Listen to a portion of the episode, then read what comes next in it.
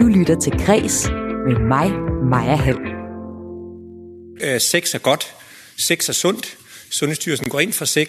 Vi er seksuelle væsener. Og selvfølgelig skal man også kunne dyrke sex, også som single i en tid med corona. Og nu vil min hud ud igen og besidde nye ofre, der skal deltage i det tonedøve kor. Det spiller ingen rolle, om de har rytme eller ej, for min hud er umættelig, min hud er utrættelig, og min hud er stadig sulten. Savner du et kram, et klap på skulderen, eller bare det at kunne give nogen hånden, så har du øh, hudsult. Det er ikke sådan en rigtig lidelse, men det er en helt almindelig følelse af at savne berøring fra andre mennesker. Og hvor følelsen tidligere har været tabuiseret, så tror jeg nok her i coronatiden, så er det noget, som de fleste af os kan tale med om. Jeg kan i hvert fald godt. Og hudsult, det er dagens emne i programmet. For Frida Sigurd, meget ung forfatter, hun er aktuel med digtsamlingen Husult.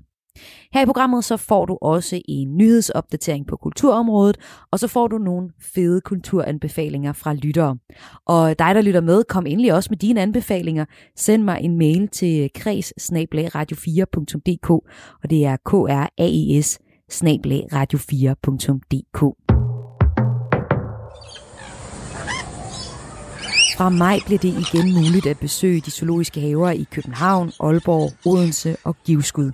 Så heldige er langt de færreste i kulturverdenen. For vi kan ikke komme til at skulle holde social afstand lige indtil der bliver udviklet en vaccine, og det kommer altså til at tage i hvert fald et år. Det betyder et stop for store koncerter, festivaler, teaterforestillinger osv. Sådan lød vurderingen fra faglig direktør hos Statens Serum Institut, Kåre Mølbak, i et interview med Berlingske.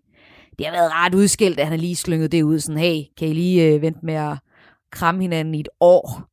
Og øh, den her besked, den frustrerer virkelig også branchen. Særligt når vurderingen ikke bliver fuldt op af konkrete regler, så øh, havde man faktisk hellere været beskeden for uden, sådan at håbet kunne leve. Det siger sekretariatchef i brancheorganisationen for danske festivaler og spillesteder, Esben Marker, som jeg har talt med. Hvis der ikke er lys for enden af tunnelen, så, så er der jo øh, mindre øh, sandsynlighed for, at øh, virksomhederne øh, kommer igennem den her øh, kritiske situation jeg tror virkelig både øh, sådan, øh, den almindelige danske befolkning, men især den branche, jeg jo repræsenterer, har brug for noget at se frem imod. Og lige nu står vi i en situation, hvor, hvor de danske festivaler har været nødt til at aflyse, fordi at de ikke må lave festival. Og det er ikke fordrende for deres videre arbejde at øh, få sådan en udmelding, fordi det stiller tvivl om for publikum omkring, de overhovedet kan komme på festival næste år. Så jeg synes, at man, når man har den position, som man har, burde øh, ja, vægte sine ord lidt mere nøje. Ja, hvis vi tager nogle af de festivaler, der for eksempel ligger her i foråret, det kunne være øh, den aarhusianske Spot Festival, en branchefestival for en hel masse upcoming bands. Det kunne være Heartland, den her øh, videns- og musikfestival, som også ligger i, øh, i foråret. Så er det jo, så er de festivaler jo nogen, der har sagt, vi aflyser i år, men på gensyn næste år. Er det i reel farezonen i din vurdering? Men det, det, det ved Kåre Mølbak jo desværre bedre end jeg. Øh, og, og jeg betragter jo det, hans udmelding som, som et worst case scenario. Og det er jo muligt, at det er der, vi går hen af. Men, men der tror jeg, at vi som øh, befolkning og som, man kan sige, og det er jo ikke kun for festivaler, men måske har bedre af at være holdt lidt i, øh, altså ikke vide for meget i virkeligheden, fordi det dræber jo al optimisme, det her, og, og, og skulle forholde sig til sådan en udmelding. En ting er de store øh, festivaler, der kommer til at ligge øh, næste år, som øh, Kåre Mølbak på en eller anden måde er kommet med en dommedagsadvarsel øh, mod at planlægge for meget. Men så er der jo alt det, der bliver udskudt her til efteråret. Og øh, mm. udover at det er i risikozonen, så er der jo også risiko for en runde to af corona. Hvordan har I egentlig rådgivet jeres øh, medlemmer i forhold til de her udskydelser af større øh, koncertarrangementer? Men det, vi har rådgivet omkring, det er, at man skal tænke sig om, og man skal sikre sig, at de ting, man flytter, og de ting, man planlægger, øh, at man ikke hænger på nogle omkostninger ting. Fordi vi ved jo ikke, hvordan udviklingen kommer til at gå, og det, det er jo fuld forståelse for. Og derfor skal man skal man jo farme lempe i den her situation og sikre sig, at man ikke ender med at at blive tynget af øh, forpligtelser i efteråret, som man kunne have undgået ved at, ved at, at tænke sig om øh, her i foråret. Og så er der lige en sidste ting, jeg også har tænkt på, Esben. Nu jeg har dig, og, øh, og I står jo som øh, et, fra Dansk Live for en hel masse af de her festivaler og koncertvirksomheder, som er i en hård situation lige nu. Altså, der er jo det her med, at med, indtil udgangen af august, så er der øh, forbud mod større forsamlinger. Og det kan mm-hmm. jo så ligesom tolkes, fordi øh, hvis man nu er en lille jazzfestival, eller en lokal øh, byfest, hvor der kommer 400, så ved jeg, der er stor øh, frustration om, om, om de kan holde de her ting, eller ej, i august for eksempel. Hvad siger I til det? Ja. Jamen, det er jo dem, der ved, hvad svaret på det spørgsmål er, de, øh, eller der er ikke nogen, der ved, hvad, hvad svaret på det spørgsmål er endnu. For det afhænger jo af, hvordan udviklingen går med smitte og så videre. Nu er der gang i en gradvis åbning, men vi kan jo se, hvor skoler med, med to meter mellem bordene og så videre og så videre.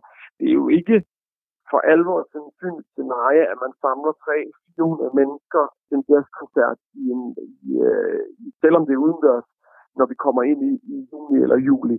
Og det ved arrangørerne godt. Som det er nu, så er der bare ikke nogen påbud mod at gennemføre koncerter. Så derfor man, planlægger man selvfølgelig videre, fordi at det er det eneste, man reelt kan gøre i den her situation. Fordi er der ikke noget påbud, så er der ingen grund til ikke at gøre det. Men man kommer på påbud, så må man jo finde en løsning på det i den situation.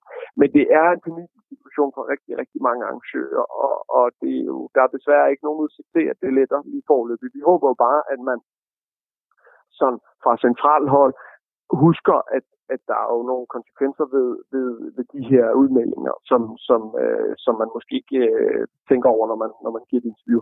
Men Esben, er det det, I gør som øh, brancheorganisation eller forening, Dansk Live? Går I bare og håber på, at der kommer noget mere information, eller gør I også noget for at lægge et pres på hos myndighederne? Jamen, vi presser jo selvfølgelig på hos myndighederne. Det har vi jo også gjort i den fase, der er vi lige er kommet igennem, hvor vi fik en klar melding omkring sommerens festivaler, for det var der ikke 14 dage siden.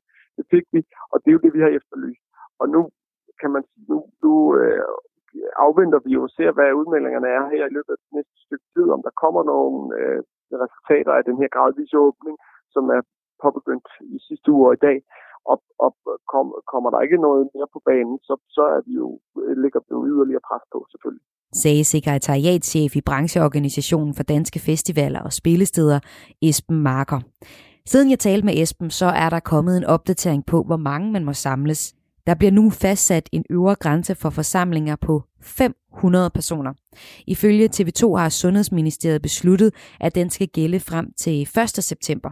Men hvornår den indtræder, det ved man ikke endnu og regeringen vil i den nærmeste tid følge udviklingen nøje og tage stilling til, hvornår den nye øvre grænse indføres, oplyses det. Men umiddelbart lyder det jo ret positivt for mange af de meget små begivenheder, og også det, at man måske efter den 10. maj kan få lov at forsamles lidt flere end 10 mennesker. Vi må følge med i udviklingen.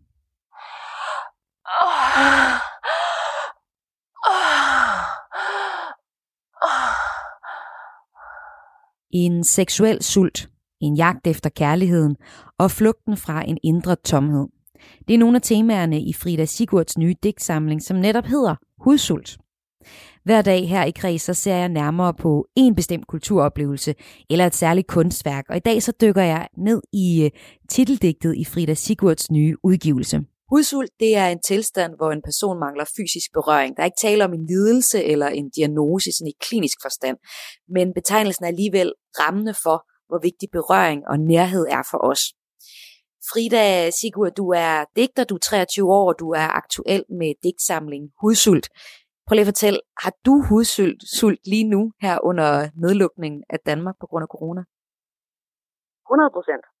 Det, selvfølgelig har jeg det. Det tror jeg, de fleste af os har, øh, desværre. Hvordan oplever du det? Men jeg oplever især, når jeg mødes i de der afstandsgåture med mine venner, hvor, hvor ondt det gør fysisk, at jeg ikke må kramme dem, som jeg plejer. At jeg ikke må, øh, må kramme min bror. At jeg ikke må være tæt på mennesker, som jeg normalt er tæt på.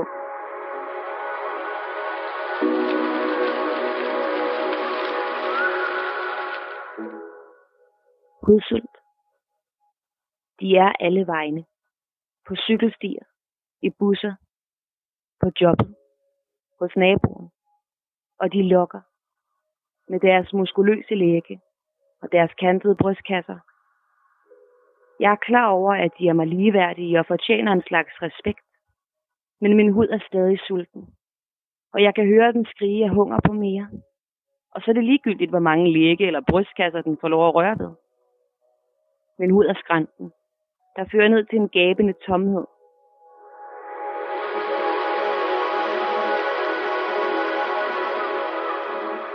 Hvordan føles udsult sådan helt konkret hos dig? Helt konkret hos mig, så kan jeg mærke det som sådan en citron i huden, især i mine hænder. Øhm, og så kan jeg mærke selvfølgelig øhm, den fysiske følelse af at være trist og føle sig alene. Føler mig lidt forladt, tror jeg. Men der er jo også den der dobbelthed. Øh, noget vil vi gerne, nogen vil vi gerne kramme, og nogen har vi ikke lyst til at være tæt på. Vi har ikke ja. lyst til at være tæt på dem i, øh, i køen, der står og hoster. Det har jeg aldrig personligt lyst til. Og det er jo også lidt den dobbelthed, jeg læser i dit digt.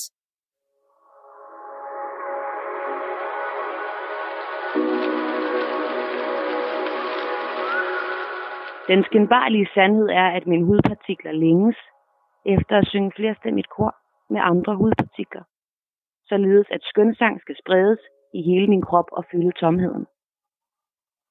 Det tager jeg mig ikke af, for jeg vil helst lade os være i fred. Men min hud er uenig. For det er underordnet, at jeg er ved at brække mig over mængden af fremmede hudpartikler, som jeg stop fodres med. For det er min hud, der bestemmer. Det er min hud, der sætter dagsordenen. Og det må jeg bare finde mig i. Som en underkaster. En slave,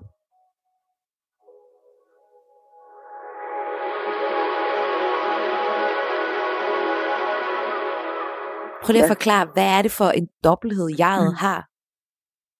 Jamen, jeget har den dobbelthed, at, at, at huden bliver fjenden til mennesket. Øh, karakteren i digtet, kan jeg vel kalde det, eller jeg kan kalde det mig, for det, det tager udgangspunkt i mig og mine oplevelser, ja. øhm, er ikke venner med sin hud. Jeg har ikke lyst til at, at blive udsat for alle de berøringer, især af fremmede mennesker og fremmede mænd, som, som digtet jo primært handler om. Øhm, men de har huden, så der er en uenighed, en uoverensstemmelse mellem mennesket og huden, simpelthen. Og nu blev det her digt jo skrevet længe før corona fandtes øh, i vores bevidsthed. Men øh, jeg synes, eller jeg tror, det handler om seksuel sult øh, generelt. Og så er det så vendt på hovedet i forhold til, at man normalt tænker om en krænkelseskultur, at, at det er en kvinde, der skal øh, jagte sig mænd, hvor det her er en kvinde, der skal minde sig selv om, at hun skal respektere mænd og ikke anse dem for at være et seksuelt objekt. Og så handler det også om ensomhed selvfølgelig. Altså, som vi talte om før, den fysiske ensomhed. Og det er også derfor, det hedder, det er derfor, det hedder hudsult, fordi jeg synes, det er så godt et ord, det dækker virkelig det fænomen grundigt. Hvorfor synes du, det var interessant at tage fat i, øh, i kvinden, der objektiviserer manden, i stedet for omvendt? Fordi det ikke er blevet gjort særlig meget, og fordi det følte jeg, jeg havde bedre øhm, forudsætninger for at gøre, fordi jeg er en kvinde på en måde i hvert fald.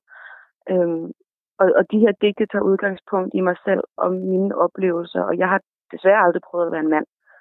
Så det tror jeg derfor. Kommer du til at objektivisere mænd? Jeg ved ikke, om det er øh, en generationsting, øh, eller om det er noget, alle gør, men jeg tror, at, at det er en, faktisk en såre menneskelig tendens, øh, at, at mangle respekt for andre mennesker, især i seksuelle henseender. Øhm, det er i hvert fald det, som jeg ser i min omgangskreds også, og, og mennesker på min alder. At det er blevet en vane, en dårlig vane. Hvordan det? Jamen, så for eksempel med alle de her dating apps, som jeg selv også har brugt, så jeg skal slet ikke kritisere det for højt, fordi så vil jeg bare være super dobbeltmoralsk, men, men vi vender ligesom året til først at bedømme det, der bliver set. Øhm, og ikke kun året, men, men også resten af vores bedømmelsessanser. Generelt så er der rigtig meget, der skal dømmes hele tiden, i stedet for ting, der skal opleves.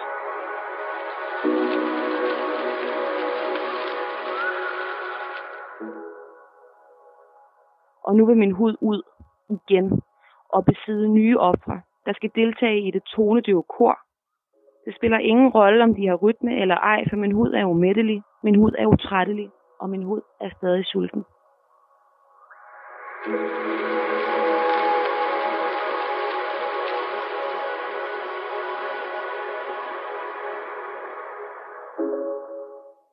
I digtet her, så øh, er der flere ting, du tager fat i, som du også øh, fortæller. Altså både øh, sulten, hudsulten efter berøring af et andet menneske, objektiviseringen mm-hmm. af, af mennesker.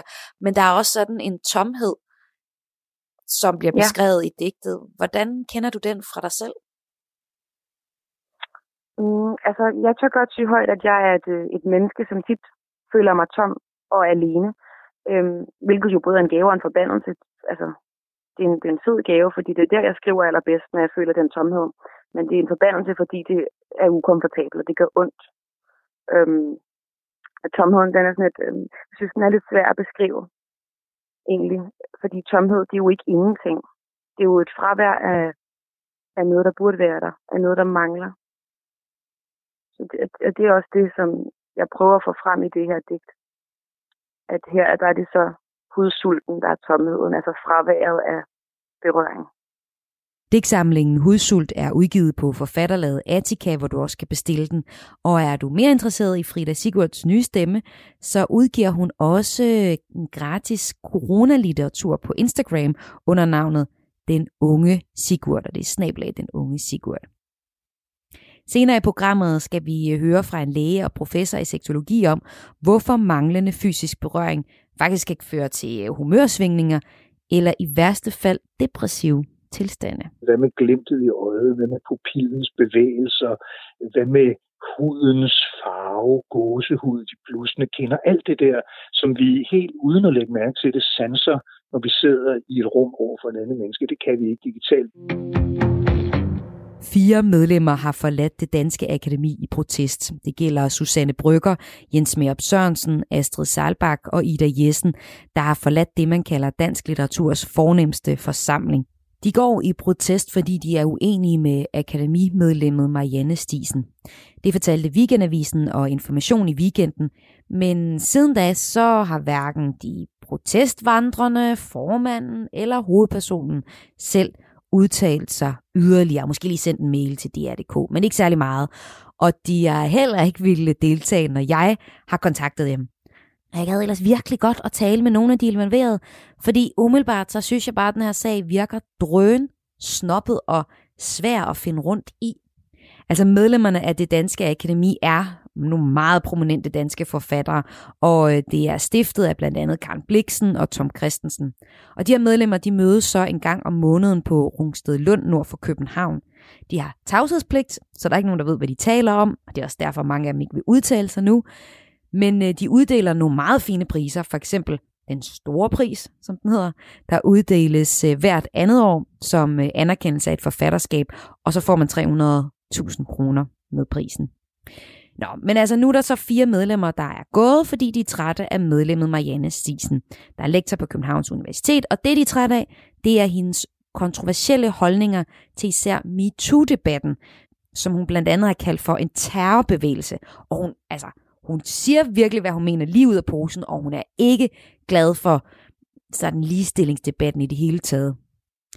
Det vil de nemlig ikke associeres med, forklarer Susanne Brygger til information. Og nogle af de ting, hun fremhæver, som hun er øh, træt af ved Marianne Stisen, det er hendes budskab om, at MeToo-bevægelsen ikke er andet end et feministisk kup og bluffnummer, for kvinder kan bare sige nej, hvis de ikke vil lade sig begrænse og voldtage, siger Susanne Brygger til øh, information. Der er ikke nogen tvivl om, at Marianne Stisen er meget kontroversiel og har nogle markant andre holdninger end Susanne Brygger, som slår sig op på at være øh, ikke bare kvindefortaler, men også sådan, øh, hvad skal man sige, var der før MeToo-bevægelsen, og, øh, og sagde ligesom fra på kvinders vegne.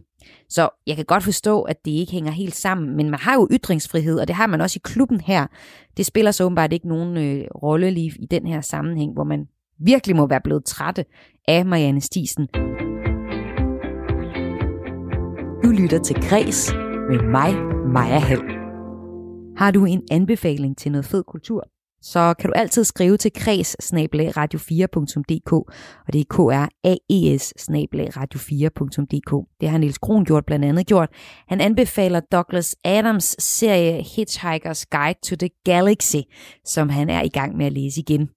Og det er virkelig en, jeg gerne har vil læse i lang tid, men fordi det sådan er en gammel bog, så ryger den ligesom hele tiden nederst på listen over bøger, jeg vil læse. Nå, men øh, Nils skriver i sin anbefaling.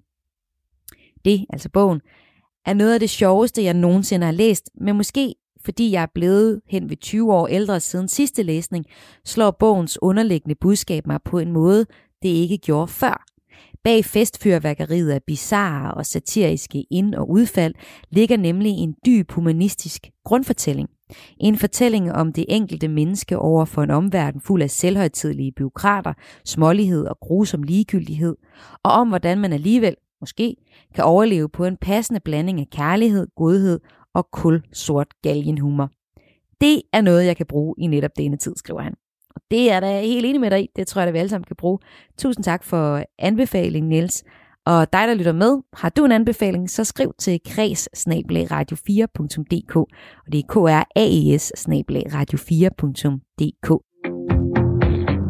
Lækre, muskuløse overarme. Ønsket om at komme lidt tættere på en sød forårsfløjt. Eller måske bare tanken om at forsvinde ind i et stort, alt opfagende kram med mange mennesker. Sådan kan man øh, nemt få diverse abstinenser her i øh, coronatiderne. Men svaret er bliver desværre det samme. You can't touch this. You can't touch this.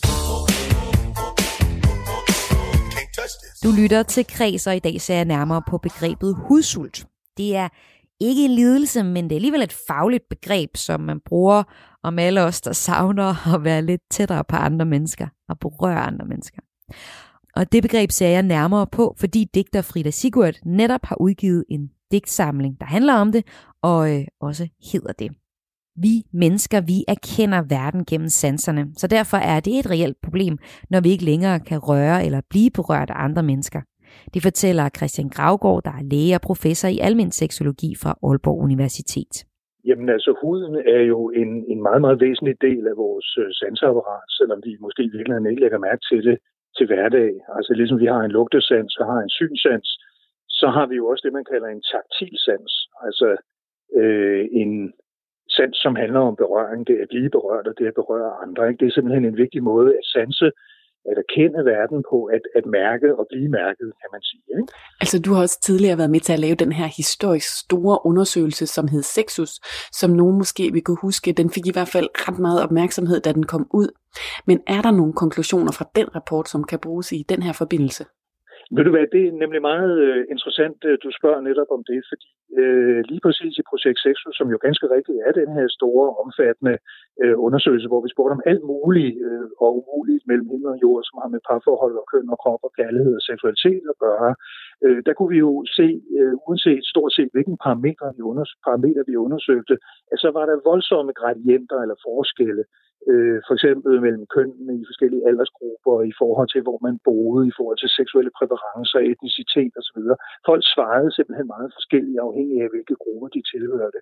Undtagen handler om fysisk nærhed, intimitet, øh, sådan helt basal sanselighed. For eksempel det at få og give et kram, det at holde i hånd, det at kysse, det at øh, sidde tæt, eller ligge tæt øh, med og uden tøj på osv. Det var simpelthen noget, som alle, uanset køn og alder og bopæl osv., synes var utrolig vigtigt. Altså det var øh, om øh, procenter, som lå øh, stort set for alles vedkommende over 90. Altså det at få eller give et kram, synes 96 procent af 15-89-årige danskere er vigtigt, meget vigtigt, eller særdeles vigtigt.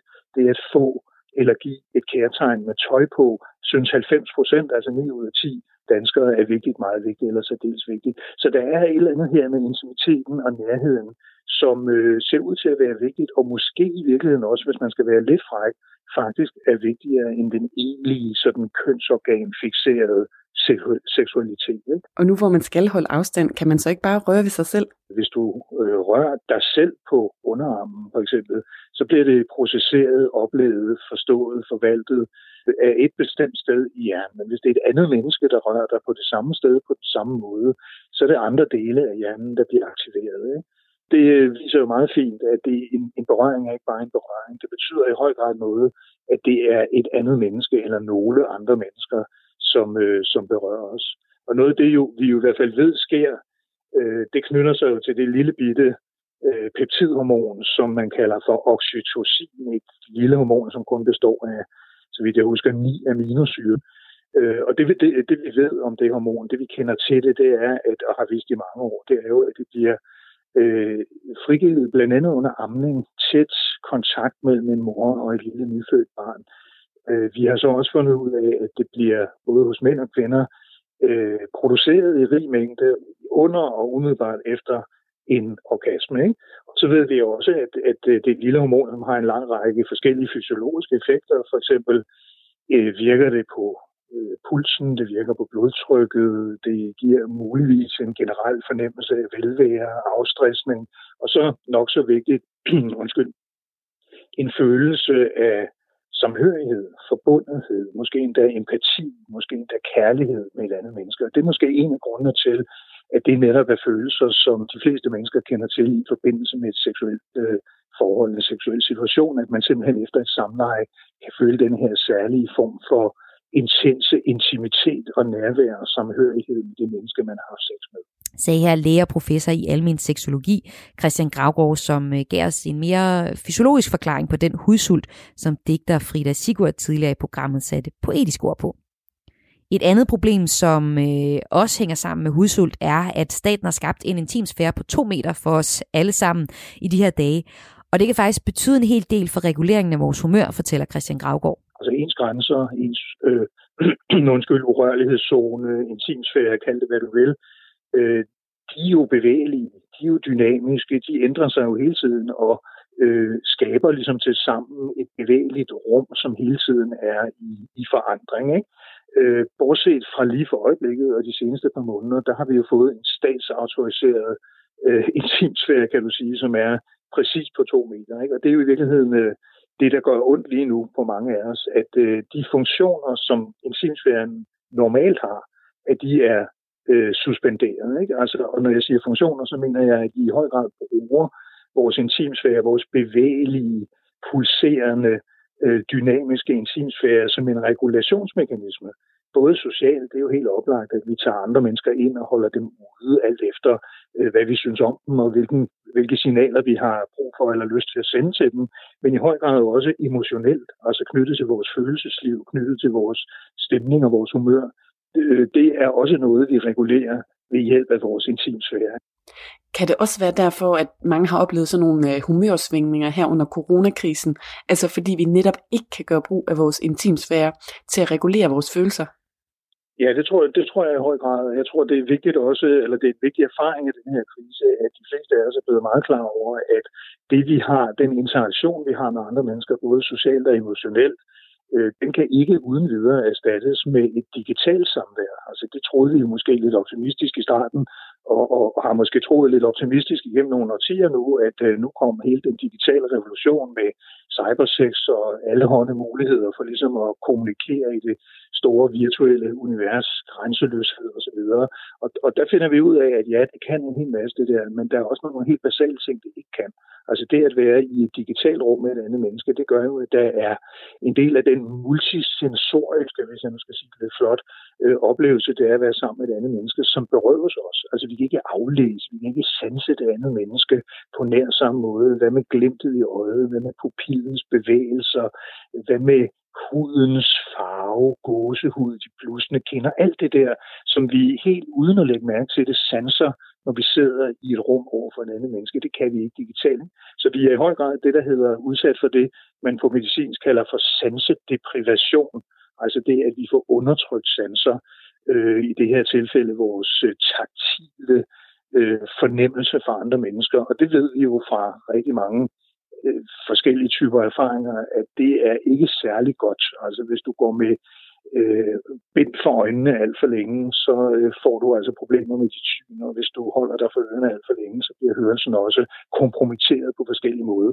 Så det er sådan lidt, I er lidt ude i en use it or lose it situation, som man siger på engelsk, at når vi ikke bruger vores intimsfære så livligt og bevægeligt og dynamisk, som vi plejer, når vi ikke har den der tætte relation og taktile sanselige kontakt med andre mennesker, så er der også aspekter af den, der simpelthen går i stykker. Og det skal vi jo så først til at bygge op igen, når denne her coronakrise forhåbentlig er overstået. Ja. Sundhedsmæssigt, hvor længe kan vi holde til det? Jeg tror, det kommer meget an på, hvilken type man er.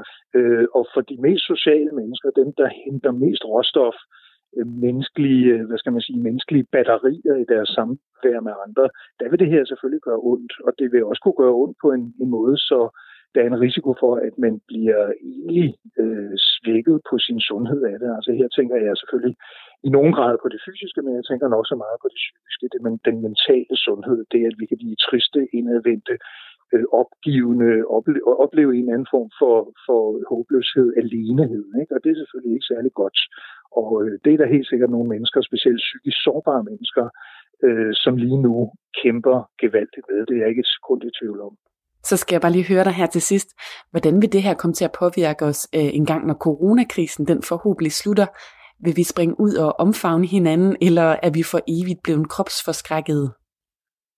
Øh, ja, det er jo det er rigtig, rigtig gode spørgsmål, som vi er mange, der øh, funderer over lige for tiden og diskuterer med hinanden. Bliver vi netop, som du siger, en, øh, en stor øh, generation af kropsforskrækkede, øh, intimitetsangste, par, paranoiske øh, eller paranoide mennesker, som ikke rigtig tør være i stue med hinanden mere. Lidt som man så i min egen ungdom i 80'erne, da vi havde en anden stor verdensomspændende epidemi, øh, nemlig HIV-AIDS-epidemien, ikke? der var der også optræk til den der form for paranoia.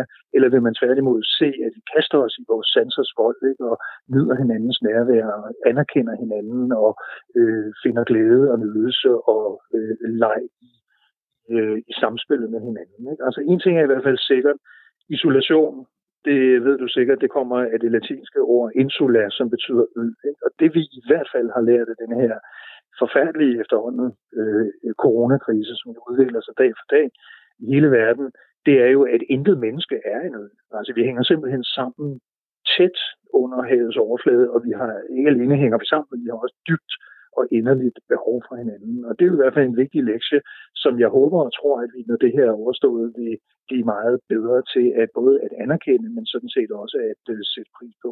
Det var min kollega Lene Grønborg Poulsen, der havde talt med læge og professor i almen seksologi, Christian Gravgaard. Og hvor hudsult måske gælder for os alle sammen lige nu, så er der en gruppe af ældre borgere på de danske plejehjem, som altid er særligt udsatte. Senere i programmet der taler vi med en social- og sundhedsassistent, der behandler demente og ældre med, ja, berøring.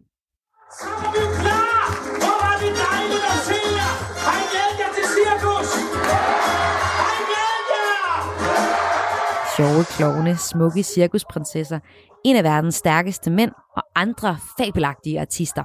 Det er, hvad man under normale omstændigheder køber sig ind på med en billet til Cirkus Balledonis forestillinger i et stort telt i det fri.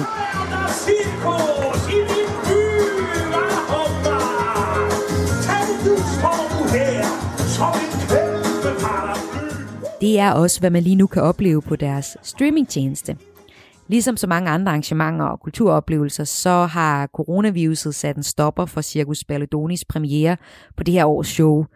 Og øh, mens vi venter på, at cirkusteltet og popcornmaskinen igen må blive sat op, så har Circus Balledonis med en ny streamingtjeneste gjort det muligt for os at få en tur i Manesien ved at se eller gense samtlige af deres optrædener gennem årenes løb. Og det har vist sig at være en fin måde at forbrænde ventetiden på for en cirkusentusiast som dig, Pauline Vestergaard. Og øh, sammen med din femårige datter, Elva Bjarkel, har du meldt dig som anmelder på Cirkus Ballodonis streamingtjeneste og dermed også på ugens kreds. Hver uge så håndplukker jeg nemlig et øh, kulturtilbud, som en lytter får lov til at opleve til gengæld for en lille anmeldelse her i radioen. Og i sidste uge var det Cirkus Ballodonis streamingtjeneste, jeg havde valgt. Jeg kunne først godt tænke mig at øh, høre dig, Elva. Hvorfor er du så vild med cirkusser? Jamen, fordi det er rigtig sjovt. Hvad er det, der er sjovt ved cirkus? Det er, at man kan få en øh, med slåsejse. Ja, du kan godt lide at få slåsejse popcorn i pauserne, ikke? Mm, og så, øhm, og så en rød på kamel. Æsel. Æsel. Faktisk er den her jo øh, lidt særlig, fordi øh, at der er ikke nogen levende dyr øh, med i, i den. Savnede du så dem, øh, Elva? Mm-mm. Nej. Det gjorde ikke noget. Og må jeg ikke også høre dig, øh, Pauline, hvordan, øh, hvad er dit forhold til cirkusser? Altså, det har sådan været øh, fast tradition i min familie, at hver eneste år, så har vi min mor hævet os med i cirkus. Øh, og jeg husker det som værende altså sådan helt fortryllende. Og jeg har også været i mit voksne liv, før jeg fik børn, i cirkus nogle gange. Og øh, da jeg så øh, fik 11, så øh, blev det igen fast tradition. Så det er noget, I gør en gang om året, eller hvordan? Ja, eller, eller flere gange. 11, hun er fem år, og hun har været i cirkus mindst seks gange. Wow. Nu har I så været i et, øh, et virtuelt cirkus. Øh, prøv at fortælle, hvordan, øh, hvordan satte I jer sådan til rette? Hvordan gør man sig klar til at skulle se et online øh, cirkus? Øh? Jamen, det var egentlig rimelig low-key her hos os. Jeg havde overvejet sådan, om vi skulle øh, gøre klar med popcorn, og vi rigtig skulle have gang i sådan, lave vores øh, egen cirkusstemning. Men øh, klokken den var 10 om morgenen, da vi så cirkus, så vi satte os egentlig bare i sofaen, og så valgte vi den forestilling, vi gerne ville se, og så så vi cirkus. Og så så vi den lidt fordelt over hele dagen. Og det gav egentlig ret god sådan, mening at sidde og snakke om numrene, mens vi så det. Det ville vi jo ikke kunne have gjort, hvis vi var i rigtig cirkus. Elva, kan du huske, øh, hvilket nummer i cirkuset, der var det sjoveste at se? Klovne. Du kunne godt lide klovnene. Den var fjollet. Det var meget fjollet, ja. Pauline, hvad var det for et, et indslag? Vi så øh, forestillingen fra 2018, mm. og Mhm. så var øh, klovnene, de drillede hinanden, eller drillede publikum, eller de skulle tage sådan et billede, hvordan var det? De skulle tage billeder af hinanden, men kameraet, det gik ikke. Selvudløseren gik ikke af på det rigtige tidspunkt, så de fik hele tiden taget billeder, hvor de så helt vildt fjollede ud. Ikke? Var det her øh, cirkusforestilling lidt som, øh, som mange andre er, altså hvor der både er noget for børn og noget for voksne? Altså hvad synes du var mest øh, interessant at se, øh, Pauline? Altså, øh, jeg synes jo, det er mest interessant at se det, som Elva synes er mest interessant at se. Altså opleve det lidt igennem hendes øjne. Så øh, jeg, og jeg er også øh, mest til klovne, jeg bare var mig selv. Øh, så jeg synes også, klovnene er helt vildt sjove. Og så synes jeg, at vi så, så synes jeg, at øh, trylle, tryllenumrene, det gav også rigtig meget til os begge to. Så kunne vi snakke om, hvorfor, øh, hvorfor de gjorde, som de gjorde. Elva, hvad tryllede de med? Fortæl om hende, der blev skåret over. Mm, der var en pige, der blev lukket ind i sådan en æske, og så sådan nogle dagebrætter derind. Og så, øhm, og så, når de åbnede den igen, så var hende væk. Men så, når den, så lukkede den lige igen, så den der skærebræt op. Og så, øhm, og så var hende bare igen, og hende var ikke skæret over. Og Elva, du har jo faktisk set lige præcis den her forestilling øh, for nogle år siden i 2018, da du så det i et rigtigt cirkustelt med en manege. Ja, sammen med børnehaven. Så du har jo faktisk set det helt i virkeligheden også. Hvordan var det så at se det øh, i fjernsynet i stedet for ude i virkeligheden? Det var også lidt sjovt. Det var også lidt sjovt. Var det lige så sjovt som det, du så i virkeligheden? Ja. Og Pauline, hvordan var det øh, sådan den samlede oplevelse at se øh, en cirkusforestilling på tv, i stedet for i ja, streamet, i stedet for øh, i virkeligheden? Altså jeg synes jo, når man sådan, tager i cirkus rigtigt, så er det som at træde ind i sådan en, øh, en helt anden verden. Det er ikke bare en forestilling, man ser. Det er, det er heller ikke bare et show, men det er en, det er en livsstil, man sådan træder ind i, og det, for, det fornemmer man øh, lige så snart man træder ind på den her cirkusplads.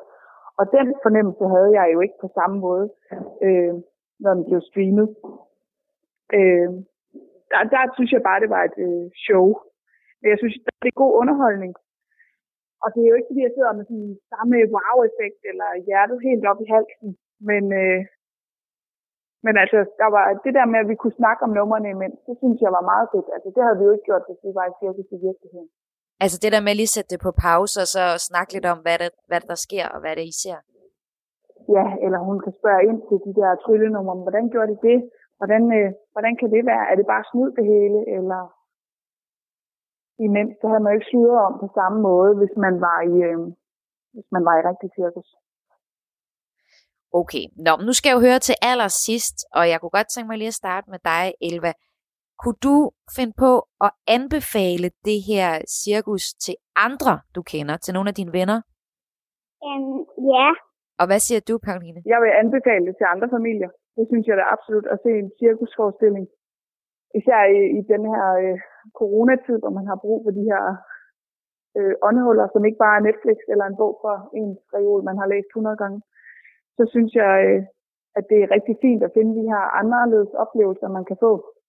Og så skal man bare, altså så vil jeg bare advare om, at man mangler øh, suset og bruset øh, for cirkusmanesien og duften og stemningen. Men altså, man får et godt show, og man får et, øh, sådan en lille fli af cirkus. Det synes jeg, der er absolut øh, anbefalesværdigt. Tak til Pauline Vestergaard, som sammen med sin datter Elva Bjarkel havde meldt sig som anmelder af ugens kreds.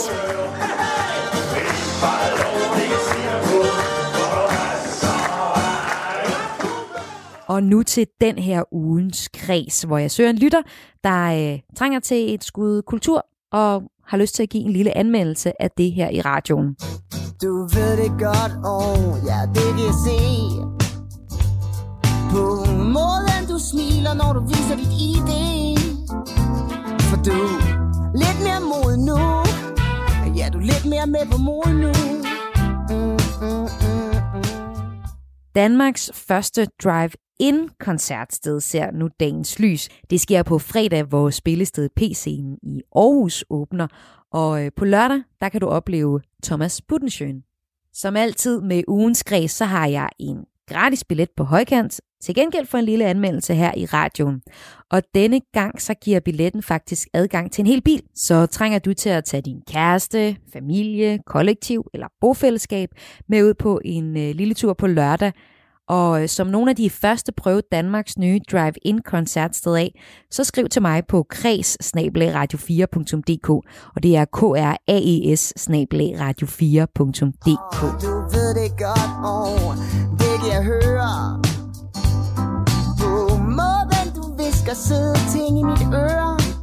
Og når du spørger om jeg ikke vil rykke lidt tættere på Eller om vi ikke bare skal rejse så gå Åh, åh, åh, åh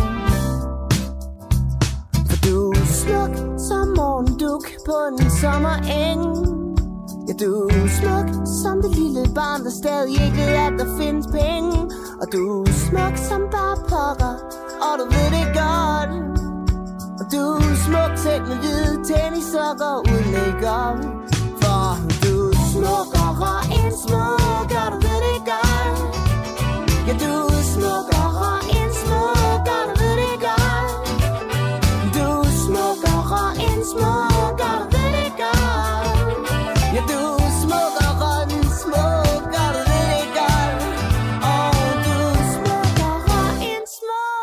Altså selvom at Thomas Budensjøens musik er meget glad og håbefuld, så vil jeg virkelig gerne finde ud af, om der er håb for det her koncertkoncept. Kan man på nogen måde skabe en god koncertstemning, når øh, man holder der foran scenen i hver sin bil? Skriv til græs radio4.dk, så sender jeg meget gerne dig med ønsket påhæng derind og hører din dom. Og du sender en mail til kraes radio4.dk.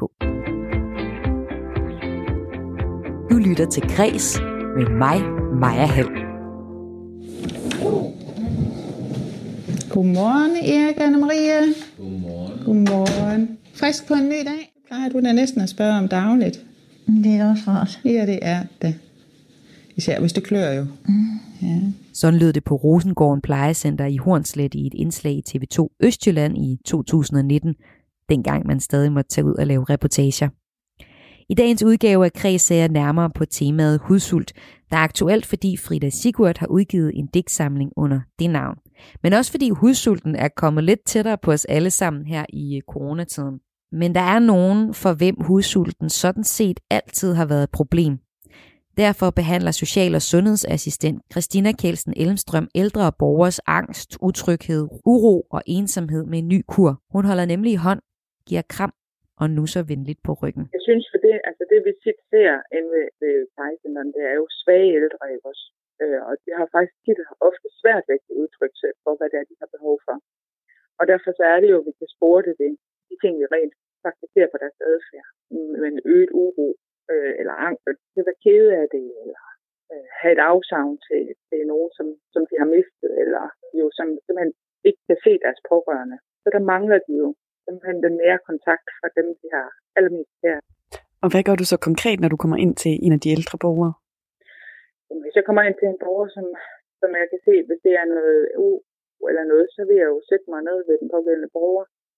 Øh, det kunne i de simple tilfælde bare være holdt i hånd, men måske også tilbyde noget wellness, eller simpelthen sørge for, at jeg får noget hudkontakt. Tit også i det daglige, så er den hudkontakt, vi har, det er jo i hygiejne situationer især, ikke? som jo også kan blive besværligt gjort af, at de har hudsult. Men det er jo der, vores hovedsagelige i det daglige er. Og hvordan reagerer de ældre så på det? Jamen, men så falder borgerne jo ofte til ro.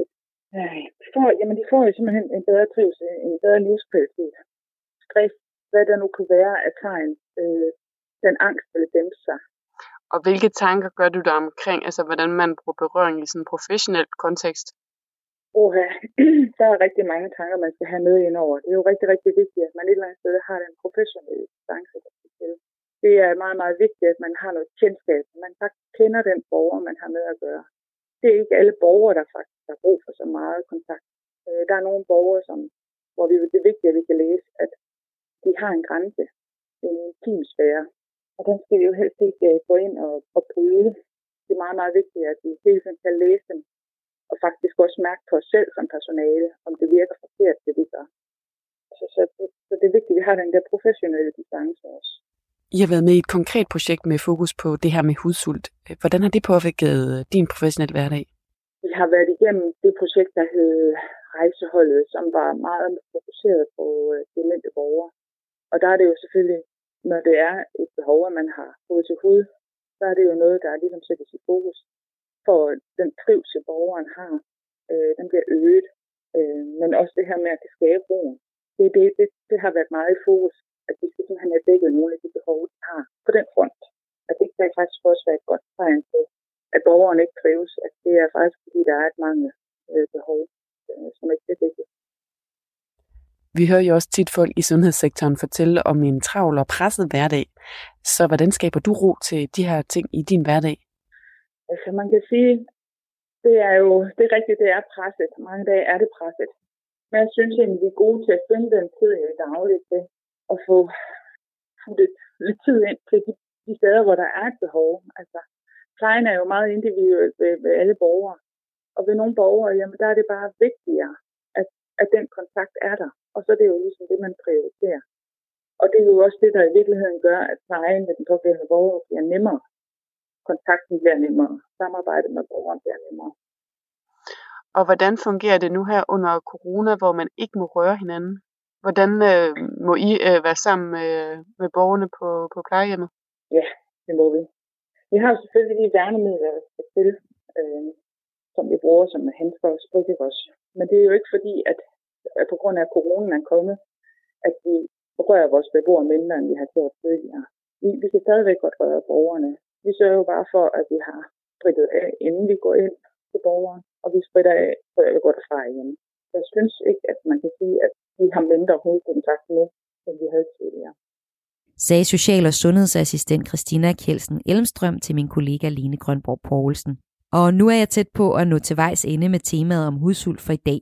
Jeg slutter lige af med en lille guide, som du selv kan lave derhjemme, hvis du øh, vil mindske din egen hudsult her en tid, hvor det med fysisk berøring pludselig er blevet lidt mere kompliceret. Og det vil jeg gøre til tonerne af Katinkas Lad din hænder vandre, som er en coverversion af Sort Sols Let Your Fingers Do The Walking.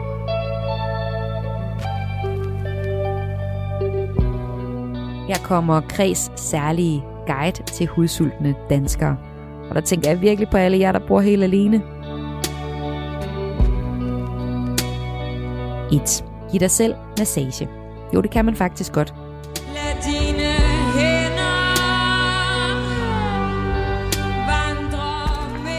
Bøj hovedet, masser din hovedbund, masser din venstre skulder med din højre hånd og omvendt, masser dine arme og hænder og fortsæt med resten af kroppen. Lad dine hænder vandre med mig. Kan du se, jeg kommer? 2. Læg dig i solen. Find en fredfyldt plet og lad solens varme stråler kærtegne din krop. 3. Smid tøjet og hop i et varmt bad. Eller hvis du er mere den friske type, så hop en tur i havet og lad vandet omslutte dig. 4. Få dig et kæledyr og kæl med din hund, kat, kanariefugl eller kælegris. Den reneste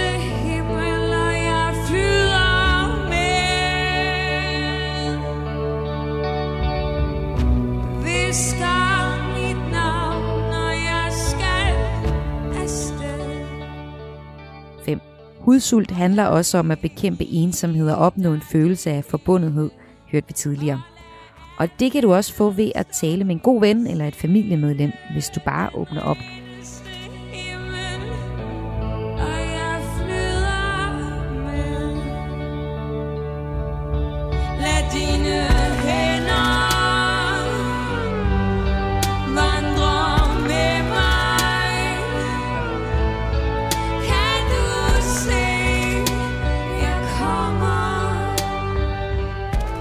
endelig så skal jeg også lige huske at sige, at så meget skinnet behøver du jo faktisk ikke at holde dig længere, som vores allesammen Søren Brostrøm understregede i går under et pressemøde. Øh, sex er godt. Sex er sundt. Sundhedsstyrelsen går ind for sex. Vi er seksuelle væsener. Og selvfølgelig skal man også kunne dyrke sex, også som single i en tid med corona.